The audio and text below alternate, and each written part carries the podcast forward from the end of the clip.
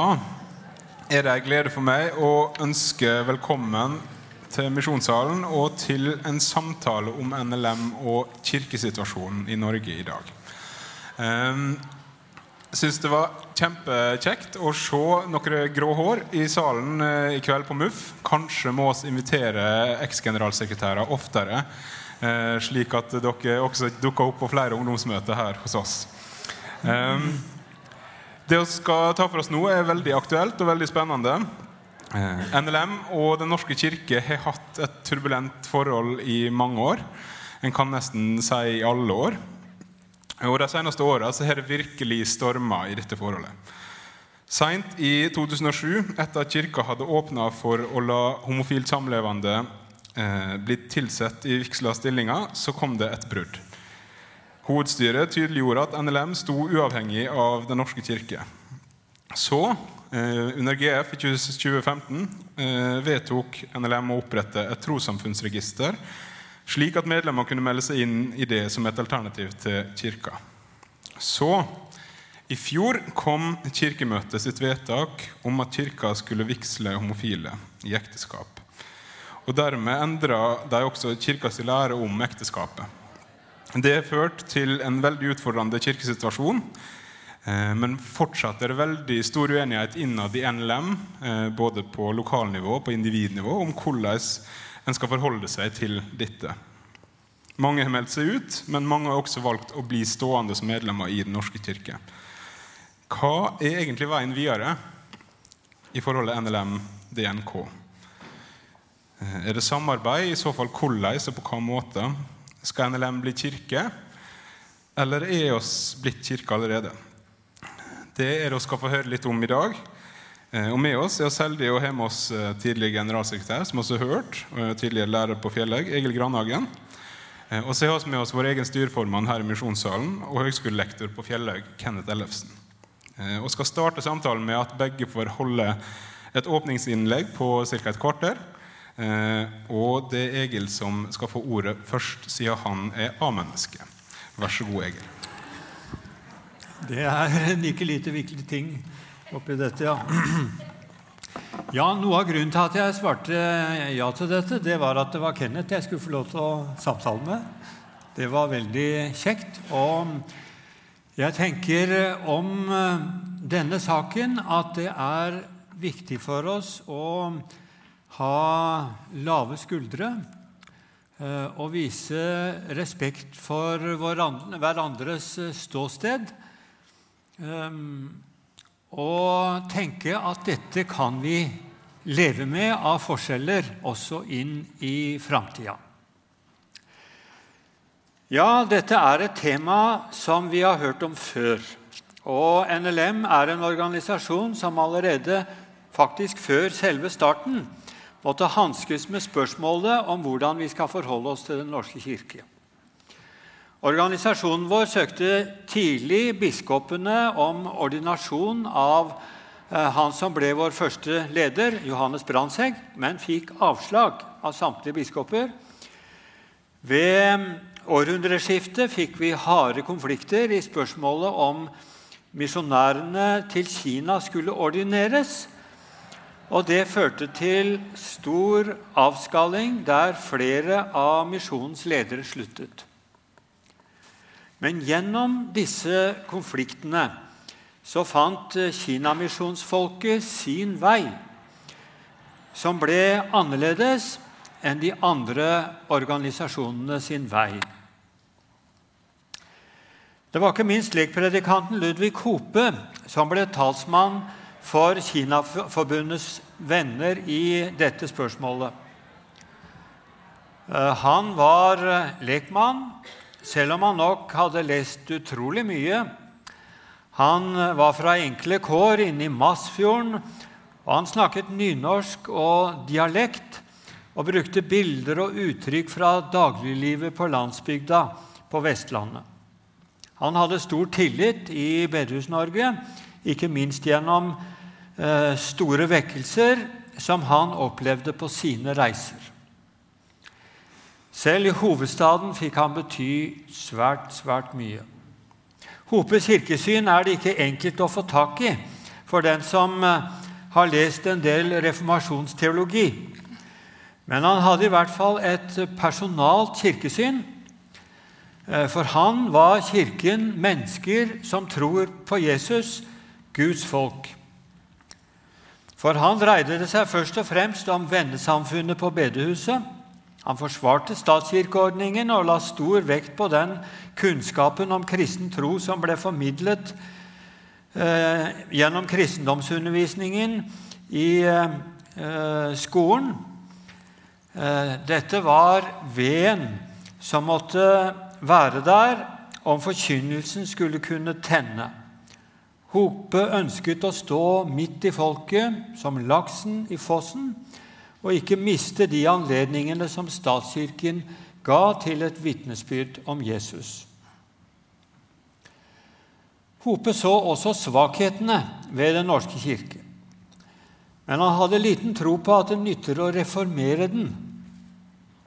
Han mente at vi minst mulig må blande oss opp i den offisielle kirkes styre og stell, men av all kraft konsentrere oss om forkynnelse og misjon, slik vi driver det i eh, de frivillige kristne organisasjonene. Kristenfolket kan med Guds hjelp, sier han, holde orden i eget hus. Men å styre statskirken etter det bibeltroende kristenfolkets ideale mål, det er helt enkelt ikke mulig. Ja, heller ikke ønskelig, sa Hope, for det måtte i så fall skje gjennom tvang. Nå er det 2017, og vi sa farvel til statskirken for ca. tre uker siden. Vi har et eh, kirkestyre der Kirkens eh, egne organer gjør alle viktige vedtak, bortsett fra det som gjelder de økonomiske rammene. 72,9% av befolkningen er medlemmer, og Kirkens organer er demokratisk oppbygd. Og Ved siste kirkevalg så opplevde vi at en interessegruppe, som i stor utstrekning er lite aktive i Kirkens arbeid, fikk flertall i Kirkemøtet og Kirkerådet og gjennomførte vedtaket om likekjønnet ekteskap. Egentlig ingen stor overraskelse. Den norske kirke er folkets kirke, på godt og vondt. Vi bor på en gård i Søndre Land, som tidligere sagt. Her er vi få aktive kristne. Eh, I vårt sogn er vi kanskje fem-seks, hvis vi regner med gamlepresten og kona, utenom de som er ansatt. Eh, I vår kommune er det ingen bedehus, ingen misjonsforening for noen organisasjon. Og spørsmålet vårt det er hvordan skal vi forholde oss der vi bor? Og svaret vårt kan være annerledes enn de som bor eh, på helt andre plasser under helt andre forhold enn det vi gjør. Men vi veit hva det vil si at Kirkemøtet har gjort det vedtaket som det har. Og vi veit hva eh, liberale prester og kirkeansatte er for noe. Eh, det vet vi veldig godt. Men vi ønsker ikke å trekke oss tilbake til nærmeste by og finne en forsamling der med god forkynnelse. Vi ønsker å være nær våre sambygdinger å bli en del av det lokale bygdesamfunnet. Elglaget, Jeger- og fiskeforeningen, arrangementer i stua vår, som laksen i fossen, på vår måte. Slik tenker vi i hvert fall i dag. Melder vi oss ut av kirken, så er det nesten som å melde seg ut av bygda. Folk vil ikke forstå det. Jeg skulle skjære noe materiale for en nabo for en tid siden og sa til han at du må komme på stevnet vårt. Ja, Hva er det for slags kristendom? sa han. Ja, vi, vi er medlemmer av, eh, av eh, Den norske kirke, svarte jeg. Da kom jeg, sa han. Og det gjorde han. Hva er det for slags kristendom? Enten er du der, eller så er du eh, ute i det ekstreme. Og vi ser at det skjer fine ting med trosopplæring og konfirmasjon, diakoni osv der folk får høre Guds ord. Å få kontakt med den lengselen som mange mennesker lever med i vår tid. Og så er vi med i misjonsforening eh, i en av nabokommunene. Vi driver julemesse og litt slikt noe, og vi preker eh, rundt omkring i foreninger og lag for både den ene og den andre organisasjonen. Men vi kjenner på sorgen over alt det som gikk galt i Den norske kirke. Men det skal ikke ta motet fra oss. Eh, det har skjedd mye galt i Den norske kirke før også. Gjennom eh, rasjonalisme, liberal teologi, eh, den historiske Jesusperioden og, disse etiske spørsmålene som er kommet opp med så stor kraft i vår egen tid. Vi får holde orden i eget hus, sa Hope. Det er faktisk en ganske stor oppgave, det også. Det var det jeg tenkte på. Takk skal du ha, Egil. Eh, da skal vi få Eh, Kenneth sitt åpningsinnlegg. Vær så god, Kenneth. Jeg føler meg utrolig privilegert ved å kunne få lov til å ha en samtale om noe så viktig med en person som jeg setter så stor pris på, som er en god venn og en åndelig mentor på mange måter, om et tema som er krevende og vanskelig for veldig mange i dag. Jeg var medlem av Den norske kirke. Jeg gikk på gudstjeneste i Den norske kirke. Jeg satt i ungdomsrådet i Oslo bispedømme. Jeg satt i ungdomstinget i Oslo bispedømme. Jeg følte meg som en del av Den norske kirke, men så har det skjedd en endring. En endring som førte til at jeg i dag er ikke aktiv i Den norske kirke. Jeg deltar ikke på gudstjenester i Den norske kirke. Spørsmålet er da ja, hvor hører jeg hjemme i dag? Hva er min menighet? Og det enkle svaret på det er at min menighet, det er dere. Det er dere som utgjør mitt fellesskap. Jeg går kanskje riktignok oftest på søndag. Det ser dere jo på stilen at det er kanskje der jeg best hører hjemme. Men når jeg tenker på hva er min menighet, så er det dere. Og jeg er styreleder her i Misjonssalen, og jeg har ikke lyst på noen annen menighet enn dere. Jeg ønsker ikke å være styreleder for noen annen menighet enn dere. Dette er mitt hjem nå, og det er det viktigste for meg. Årsaken til at mitt forhold til Den norske kirke har endret seg, er fordi at jeg betrakter meg sjøl som en lutheraner. Denne menigheten her er tilsluttet Norsk Luthersk Misjonssamband, og den L-en den står nemlig for det lutherske. Og det lutherske forteller oss noe om hva slags type menighet er vi. Og en luthersk kirke, en luthersk menighet, har et bekjennelsesgrunnlag. Og det bekjennelsesgrunnlaget forsøker å si oss noe viktig, bl.a. om hva er en kirke for noe. Og i det ene bekjennelsesskriftet som vi har, den augsburgske bekjennelse, overleverte keiser Karl 5. på riksdagen i Augsburg lørdag 25.6.1530. I den bekjennelsen så står det en artikkel om hva er Kirken for noe, Og hva skal til for at sann enhet er til stede i den kirken? Og I artikkel 7 så står det nemlig likeens lærer de at det alltid vil forbli en hellig kirke. Men Kirken er forsamlingen av de hellige. Der kommer det personalet frem. Og så kommer den objektive siden. Der hvor evangeliet blir lært rent og sakramentene forvaltet rett. Og så står det en viktig setning til, som er i fetskrift. Og til sann enhet i Kirken er det nok å være enig om evangeliets lære og om forvaltningen av sakramentene.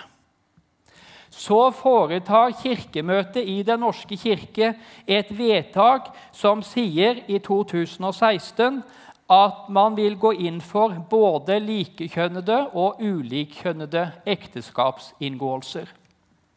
I Kirkemøtets vedtak så sier man da at man og jeg siterer Kirkemøtet viser til tidligere vedtak som understreker at uenighet i dette spørsmålet teologisk bedømt ikke er av en slik karakter at det gudstjenestlige og sakramentale fellesskapet i Den norske kirke må brytes.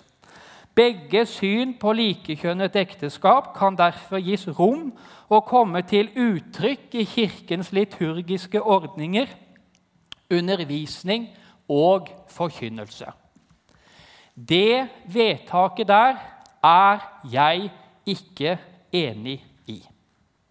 Jeg mener nemlig på at når Augustana artikkel 7 sier at for at enheten skal være til stede, så er det fordi at man også er enige om evangeliets lære.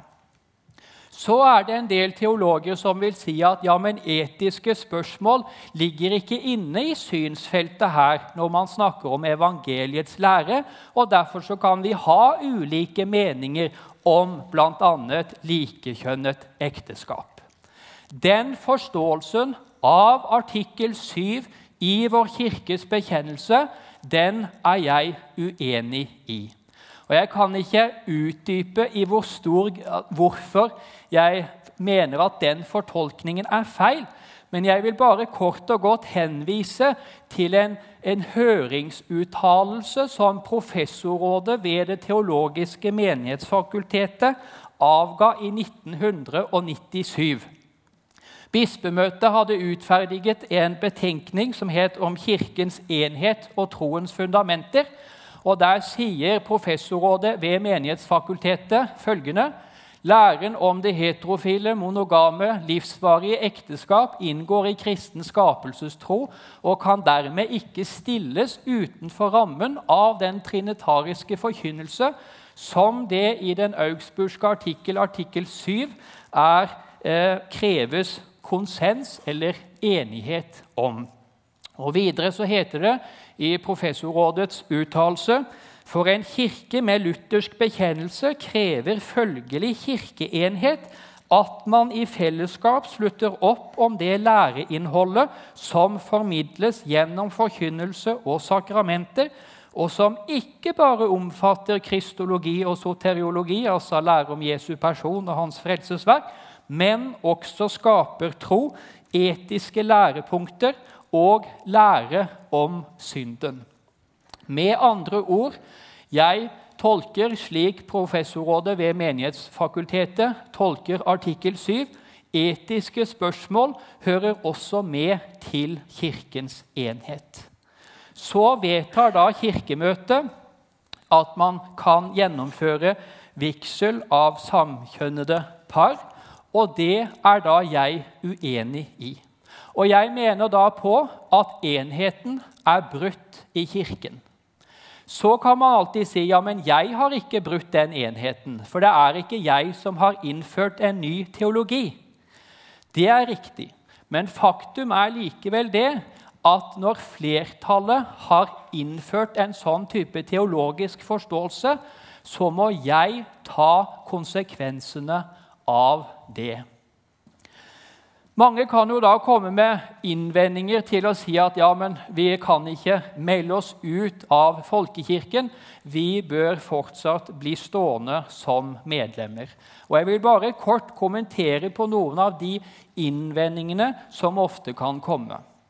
Noen vil si Spørsmålet om likekjønnet ekteskap ja, det er et viktig spørsmål, men det er ikke viktig nok til at enheten i Kirken bør brytes. Som jeg har forsøkt å vise, jeg er ikke enig i den teologiske forståelsen der. Etiske spørsmål hører med til Kirkens enhet. Oi. Uh, en annen innvending har ofte vært at vi er nødt til å fortsette å stå som medlemmer av Den norske kirke, for vi må forsøke å ta vare på de konservative prestene som fins rundt omkring i folkekirken. Og Det syns jeg faktisk er et veldig godt og vektig argument for å forbli. Men utfordringen med det synet der er at den legger forferdelig mye av ansvaret på prestene. Og så viser den ikke alvoret i at Utfordringen er ikke bare for den enkelte prest, men for hver lokale menighet rundt omkring i landet. For det fins nemlig ikke noe kirkerom. Det fins ingen lokalmenighet som kan si at her nekter vi å vie par av samme kjønn. Eh, andre kan innvende at det skjer veldig mye godt på lokalplanet. Det er mye bra som skjer. Og Det er også helt riktig.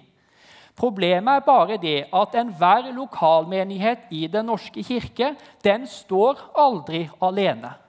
For enhver lokalmenighet i Den norske kirke er med i en kirkestruktur der Kirkemøtet og biskopene til syvende og sist har det øverste ansvaret også for læren. Og Dermed så kan ikke en lokal menighet fraskrive seg et ansvar fra et vedtak som Kirkemøtet har gjort, og sagt det angår ikke oss.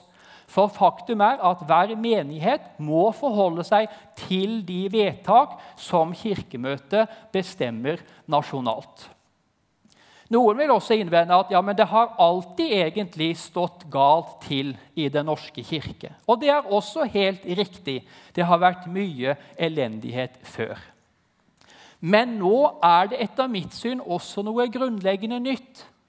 For første gang har nemlig et kirkemøte i Den norske kirke vedtatt en liturgi som jeg mener på er i strid med Skrift og bekjennelse, og den liturgien den gjelder som offisiell liturgi. Det er helt nytt. Den norske kirke har formelt innført en ny lære. Kirkemøtet har vedtatt den. Det er noe grunnleggende nytt. Det har vært mange rare biskoper. Det har vært mange rare prester som har ment mye og mangt, som har vært i konflikt med Kirkens lære. Men det nye nå er at Kirkemøtet sier to motstridende syn på ekteskapet kan stå side ved side. Noen vil også si ja, men vi må få være en vekkelsesbevegelse innenfor folkekirken. Det er et syn som har vært viktig i Misjonssambandet. Men for meg, når vi snakker om hva en menighet er, så er ikke en menighet en misjonsmark. Menigheten er når det troende folket kommer sammen og i tilbedelse og bekjennelse bekjenner at Jesus Kristus er Messias og Guds sønn, og vi kommer sammen lørdag og søndag for å høre ordet forkynt og for å motta dåp og nattvær. Det er kirke for meg. Hvordan skal vi da forholde oss til den nye kirkesituasjonen? Og Her tenker vi veldig forskjellig. Men hovedstyret har i sin veiledning fra 2015 sagt at en av løsningene er at vi skal bygge misjonsfellesskap som gir hjelp til troen og livet. Og så står det med full sakramentsforvaltning, forkynnelse, tilbedelse og tjeneste. Og hva er et misjonsfellesskap etter den definisjonen? Jo, det er en kirke. For som jeg var inne på i begynnelsen, der hvor man har forkynnelse som er i samsvar med evangeliet, der hvor man har dåp, og der hvor man har nattvær, ja, så er man en menighet. Vi her inne er en menighet. Vi er et fellesskap. Og når jeg skal tenke på hvor er min plass, hvor er min fremtid, så er den fremtiden her hos dere først og fremst. Takk skal du ha, Kenneth. Eh, Egil, har du noen kommentarer umiddelbart? Vi kan kanskje vente litt eh, og Ja. komme tilbake til det. Ja. Um, jeg har i forberedelsen til den samtalen her, så har jeg lest en del av det dere har skrevet eh, i forskjellige eh, medier omkring det med NLM og kirkesituasjonen. Um, og jeg vil begynne til deg, Egil. Du snakka jo her, og også i det du har skrevet, eh, snakker du om Hope og uttrykket 'å stå som laksen i fossen' som en motstrømsbevegelse i kirka. Og så jeg siterer eh, det du har skrevet. Dette er også min vei. Jeg ønsker å være medlem av den samme kirke som det store flertallet av mine sambygninger og leve eh, og vitne som en kristen der. For meg er det fullt ut mulig å samarbeide med mennesker jeg er dypt uenig med, og samtidig være tydelig på eget ståsted. Min erfaring er at jeg blir møtt med respekt. Jeg vedkjenner meg ikke at jeg bidrar til å legitimere falsk lære. Um, det jeg lurer på, er eh, etter ditt syn um, hvor går grensene for samarbeid? Eh, på hva måte kan vi samarbeide med eh, en kirke og med eh, ansatte og medlemmer av den kirka som også er djupt uenige med? Hvor, hvor går i så fall grensa? Jeg syns det er vanskelig sånn ut i løse lufta å, å trekke en absolutt grense. Er der på, ja? Ja. Um, men det er flere ting som jeg ønsker å være med på. F.eks. Eh, det som har med konfirmanter og ungdom å gjøre. Kona mi er med på dette med trosopplæring. Um, og vi føler at vi har rom til å være oss sjøl. At vi innenfor uh, deler av dette kan få samarbeide med mennesker som det er uh, lett for oss å samarbeide med. og få lov til å se frukter av arbeidet over litt tid. Jeg har ingen problemer med å gi min tilslutning til Kenneths analyse. Og det er jo noe av det som gjør at det er så smertefullt og, og, vanskelig. Kanskje er den, den, logiske måten for oss å gjøre det på, det er å, å, å, å bryte over tvert uh, og, finne oss et eller annet annet ståsted enn en der vi er nå. Men vi, vi, ser så mange muligheter til å være med og gjøre evangeliet kjent og få kontakt med mennesker. Eh, følge dem et stykke på veien og kanskje oppleve at eh, noen flere kan komme til tro. At det å bare bryte over tvert, eh, det er for oss veldig, veldig vanskelig. Hvis vi tenker på det som er godt i Den norske kirke, og det dette til sammen betyr for det norske folk, så er det en, for, en formidabel mengde av kristen kunnskap som fortsatt blir formidlet inn eh, i folket. Og det, det, det er en, en kontaktflate mellom denne haltende kirka og det norske folk, som er så betydningsfull at jeg har veldig vanskelig for um, å liksom kaste den på båten og si at nå er tiden kommet til et, et definitivt oppbrudd for oss i, i Misjonssambandet.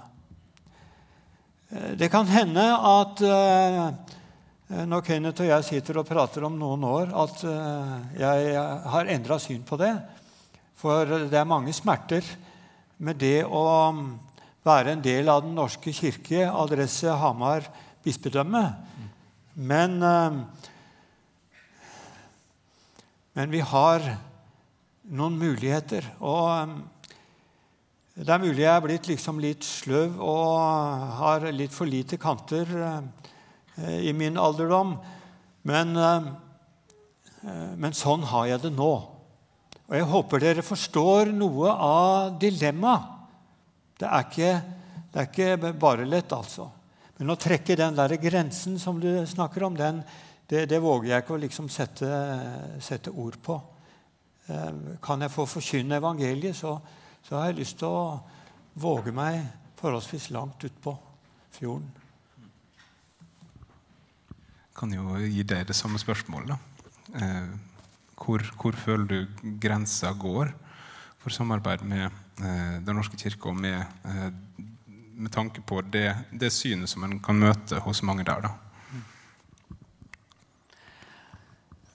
Altså For meg så er det, så er det litt sånn at uh, i, det, i det, vedtaket som Kirkemøtet har gjort, så bidrar man til en helt ny forståelse av hva et ekteskap er. Og Dermed så berører man også sentrale sider ved hele skapelsesteologien. Og Berører man sider ved deler av skapelsesteologien, så kan det også være at man berører sider ved selve frelseslæren. For de henger sammen.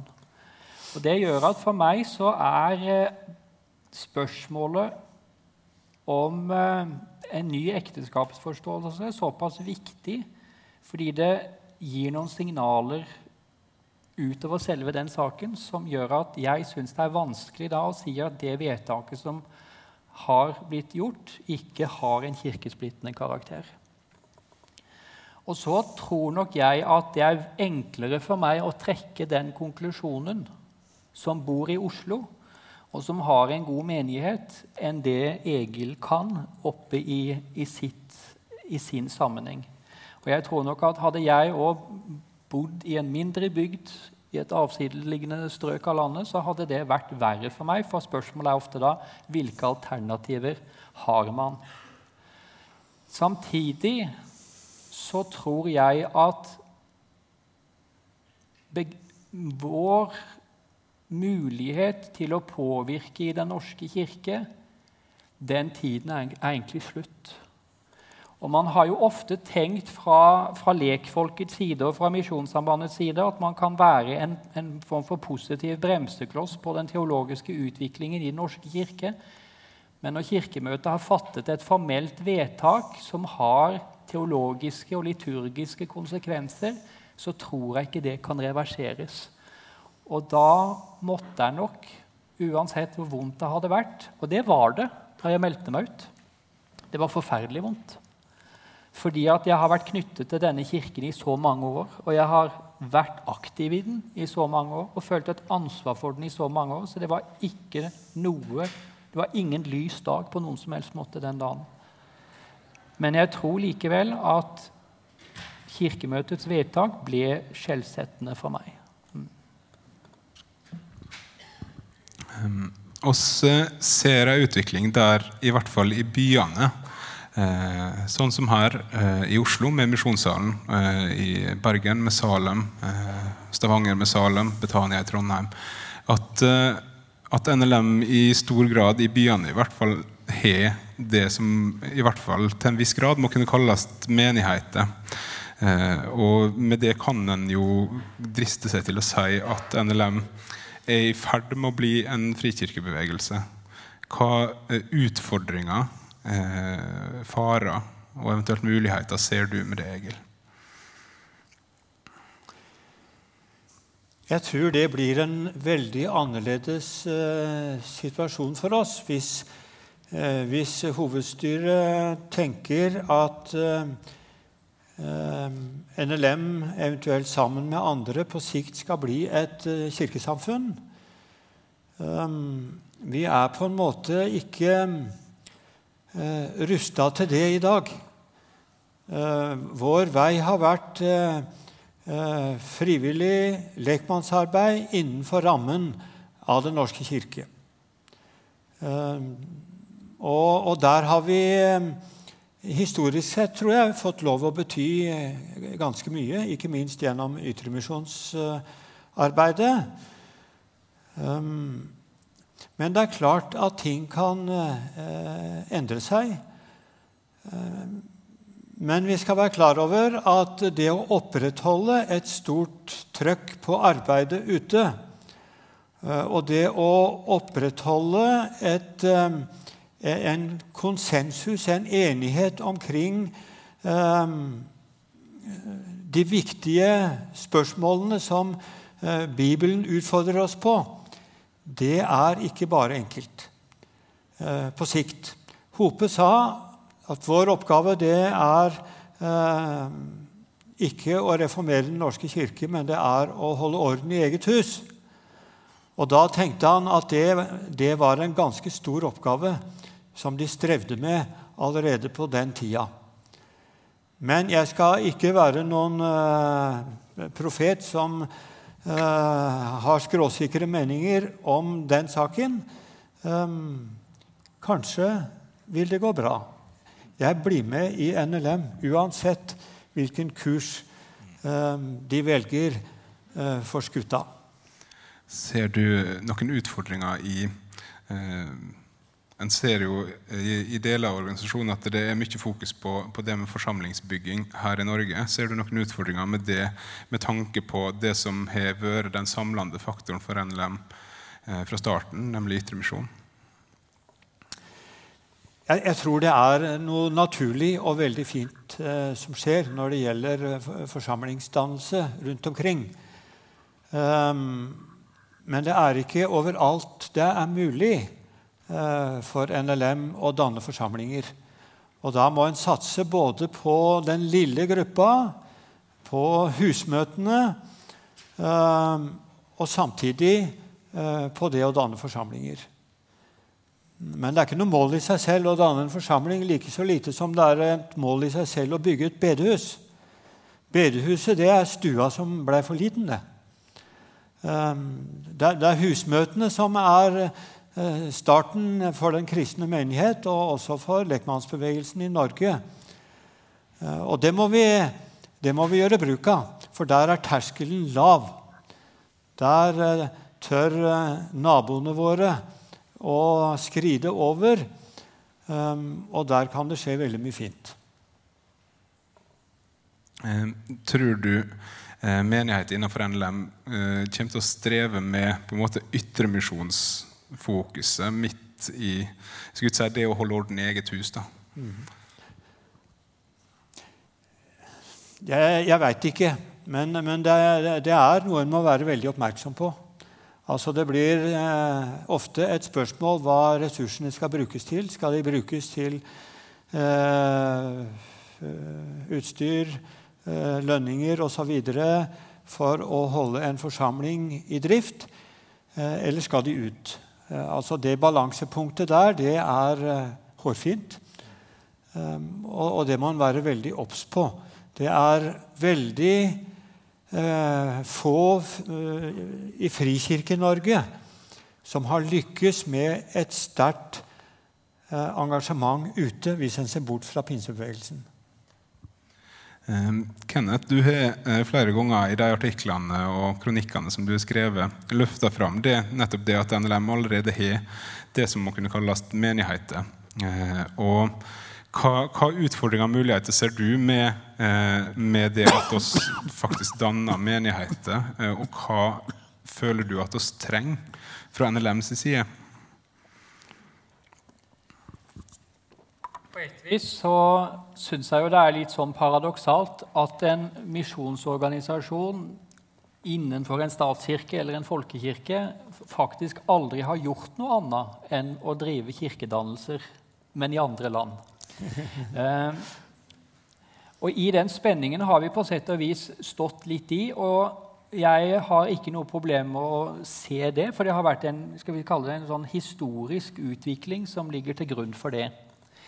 Eh, jeg mener på at vi i NLM har hatt kirker eller menigheter jeg bruker de ordene om hverandre, for de betyr egentlig det samme allerede i mange år.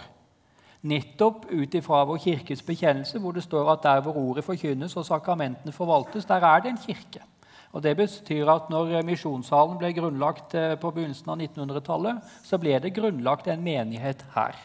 Jeg syns det er vanskelig å komme bort ifra det. Eh, det som har vært litt av utfordringen, syns jeg, det er at Misjonssambandet som misjonsorganisasjon har aldri bare vært en organisasjon. Nettopp fordi den så bevisst har startet opp forsamlingsarbeid eller menighetsarbeid, så har den også opptrådt med kirkedannelser. Eh, her har vi gudstjeneste klokka 11, vi har dåp, vi har nattvær. Vi er på en måte et fullgodt alternativ til den eh, lokale eh, menigheten i Den norske kirke. Og det har vi allerede vært i mange år. Det vi imidlertid ikke har, og som vi strever med veldig i dag, det er at vi har på et vis ingen kirkerett, eller hva vi kaller det, nasjonal kirkepolitikk fra ledelsens side, som sier tydelig hva man vil med disse kirkene innenfor NLM. Eh, jeg er helt enig i at det viktigste for oss er alltid misjon. Men jeg tror ikke at det er enten-eller, nettopp fordi at vi allerede har hatt menigheter i så mange år.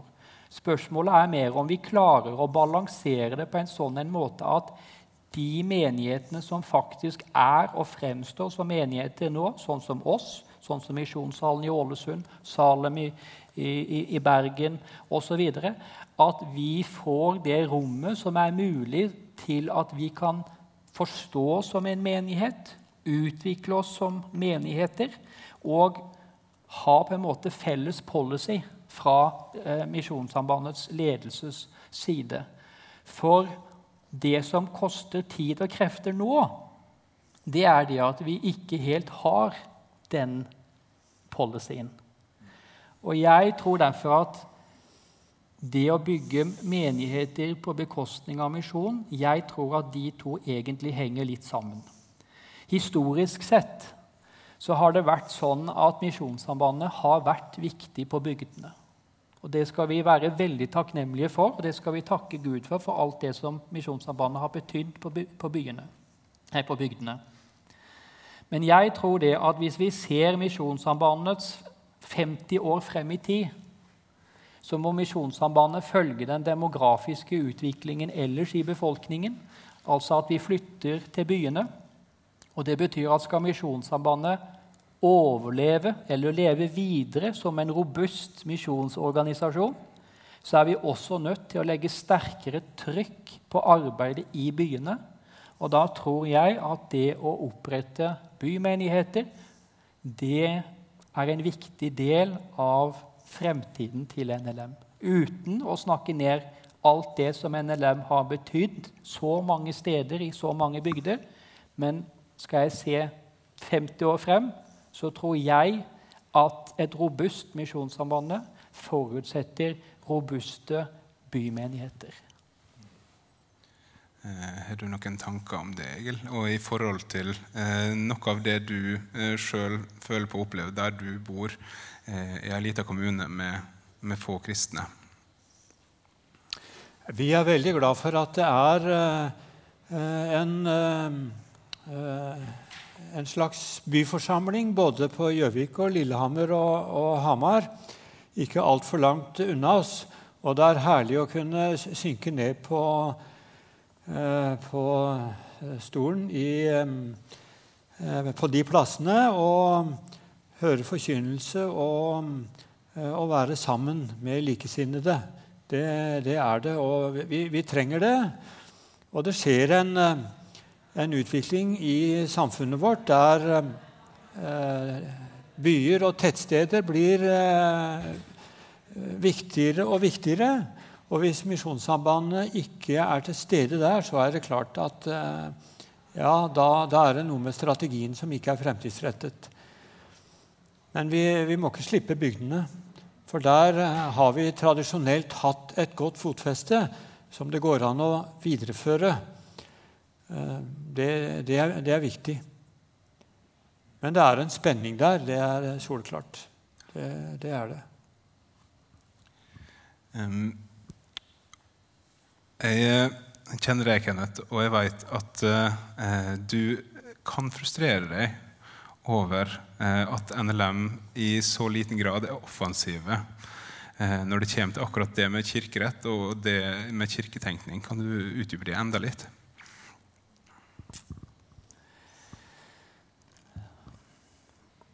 Jeg tror Altså, jeg tenker jo ofte lokalt, og da tenker jeg med utgangspunkt her i Misjonssalen. Da jeg ble valgt til styreleder, så sa jeg at jeg ønsker at vi skal gå den veien, at vi skal komme dit at vi forstår oss som en, en menighet på alle måter.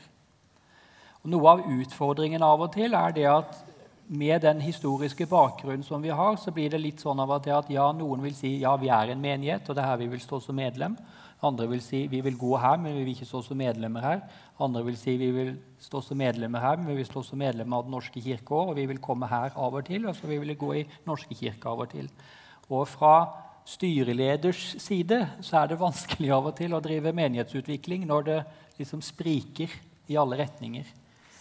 Og det å da tenke at man er en menighet som da også ikke bare ut ifra si, de åndelige kriteriene i den lutherske bekjennelse, men som også sånn kirkerettslig gir oss muligheten til å forstå oss som en menighet og bruke de begrepene som det innebærer, jeg tror det er litt viktig. Hvis jeg skal tenke lokalt, så er det litt fordi at rett oppe i gata her har vi Storsalen. Og så har vi Philadelphia, og så har vi Sentralkirken. Og disse er eh, i og for seg eh, eh, frikirker og forstår seg som menigheter. Og jeg opplever av og til at spesielt yngre kommer til meg og spør ja, men hva er vi for noe. Altså, Hva i alle verdens land er vi? Eh, og så bruker vi et språk. Vi sier ja, vi er jo på en måte menighet, men så er vi jo ikke det. Vi er jo egentlig en forsamling. Og så har vi en forsamlingsleder, og han kan jo kalle for pastor, men vi kan ikke kalle han for pastor likevel. Og så bruker vi begreper som på et vis gjør oss mye mer fremmede for verden enn det vi egentlig trenger å være. Og jeg skulle ønske der at vi kanskje hadde muligheten til å ha skal vi si, den nødvendige strukturer på plass som gjør at vi som allerede er bymenigheter, kan få de nødvendige redskapene for å utvikle oss i den retningen. Eh, hva tenker du, Egil? Er det eh, å tenke eh, kirkerett, det å tenke eh, eklesiologi, er det noe NLM bør og trenger å beskjeftige seg med nå?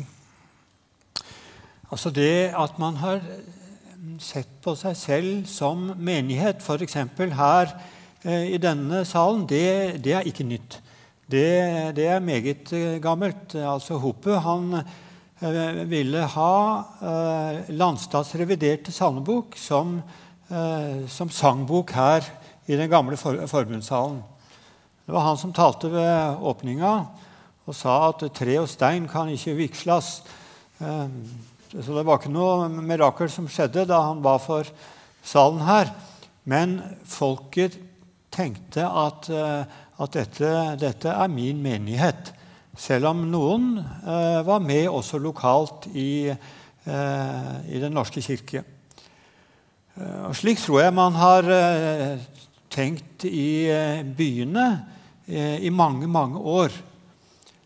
Men på en litt annen måte ute på landsbygda, hvor det har vært et vennesamfunn med flere organisasjoner på bedehuset, og så har det vært kirka, og man har vært mer og mindre aktiv eh, der. Kanskje mindre, minst aktiv eh, når det gjelder Misjonssambandsfolket. Men man har definert arbeidet som, en, eh, som innenfor Den norske kirkes ramme inntil for noen år tilbake. Jeg tenker jo at når vi samles eh, hjemme hos oss i stua og vi eh, har forkynnelse og misjonsinformasjon og eh, masse god kaffe osv. Så, videre, så så er det jo de hellige samfunn. Det er jo Guds menighet som er der. Og kriteriene fra Augustana 7 er jo på en måte oppfylt når det gjelder den åndelige sida. Eh, men det er nok varierende om vi vil bruke ordet 'min menighet' om, eh, om den type eh, samvær. Da. Og jeg forstår behovet for en litt strammere tenkning når, når en skal organisere en stor forsamling. Og Samtidig så må en ikke glemme at det er ikke bare på Misjonsmarka at vi møter litt forskjellige kulturer. Men det, det finnes faktisk også innad i Misjonssambandet i Norge. Og der må en ta noen tilpasninger og hensyn, sånn at eh, en ikke skaper konflikter der det ikke er nødvendig å ha konflikter. Sånn tenker jeg. Og det kan jeg også egentlig være enig i. Eh, men min utfordring er at jeg er dogmatiker, stivbeint sådan, mm. og er ikke glad i pragmatisme. Mm. Eh, og det gjør at jeg har liksom et, et behov for å ha jeg tror at kriteriene om at vi er en kirke ut fra Augustana 7, de er absolutt til stede. Men så er utfordringen at når folk da melder seg ut av Den norske kirke, så spør de seg hvor, hvor kan vi også melde oss inn. Og Det gjør at vi, vi trenger et, et uh, kirkerettslig alternativ. Og der ønsker jeg at Misjonssambandet skal være sterkere og tydeligere. Samtidig som at når man vedtok å opprette NLM trossamfunn, Eh, så syns ikke jeg at det nødvendigvis var løsningen. Fordi at for meg er ens tilknytning alltid til en lokal menighet og ikke til et register. Eh, kirken kan aldri tre fram som noe register. Kirken trer fram synlig i sin lokale menighet, og det er der folk bør stå som medlemmer.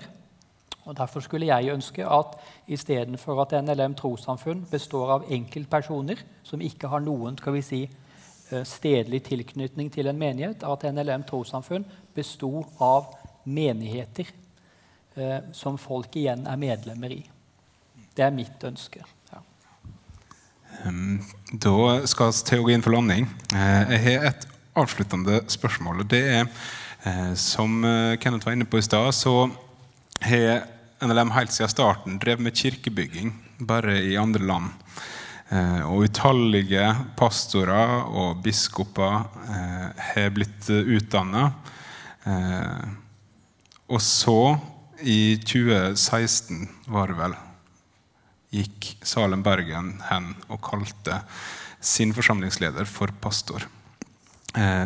For meg som er ung, dere som har begge to litt greie på kirkehistorie og misjonshistorie og litt mer livserfaring enn meg, Eh, for meg eh, på 27 så virker det utrolig seint.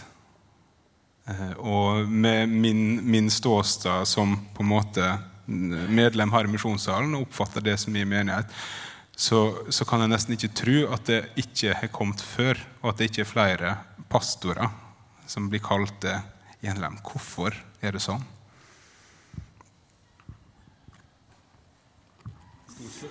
Her skal generalsekretæren få begynne. ja, han er ikke her. ja jeg, jeg, jeg, tror det der har litt med kultur å gjøre. Altså, vi har vært en radikal, lavkirkelig organisasjon eh, som eh, har måttet markere oss ganske friskt mange ganger i forhold til presteskap og eh, rådsstruktur i um, Den norske kirke. Og, uh, og, det vil nok være en generasjon som, som kjenner et, et kulturelt uh, problem i det øyeblikk man gjør det. Men det er et navn. Det er en betegnelse. Det er en tittel. Um, og det handler ikke om, uh, om, dype teologiske saker. Så vi må ikke gjøre mer ut av det uh, enn det det er. Uh, jeg kommer til å, å, gå litt i kjelleren hvis Jan Erik plutselig kom og presenterte seg som pastor. men jeg kom antagelig til å komme fort over det.